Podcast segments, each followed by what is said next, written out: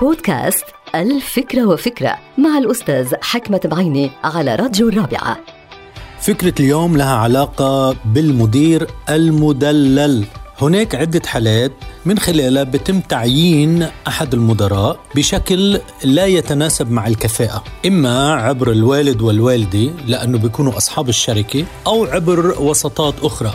هون تكمن المشكلة لأنه بيصير في جاب بيصير في فرق شاسع ما بين الكفاءة كفاءة الموظف وكفاءة مديره. ويعتبر هذا المدير المدلل مشكلة داخل الشركة أو المؤسسة. لذلك الخيار الأفضل في التعامل مع هذه الحالة أنه الإنسان أو الموظف العادي أنه يصبر ويستمر في هذه المؤسسة بقدر الإمكان. ولكن دائما النصيحة أن يكون لدى هذا الموظف نوع من الاكزيت استراتيجي يعني يحاول قدر الإمكان إنه يشتغل على حاله حتى ينتقل من هذه الشركة إلى شركة أخرى لأنه في حقيقة الأمر هناك نوعين المدير المدلل نوعين النوع الأول المدير المدلل اللي يصبح حقيقة مدير كفؤ مدير قادر على إدارة الناس وهناك حالة تانية المدير المدلل يبقى مدير مدلل.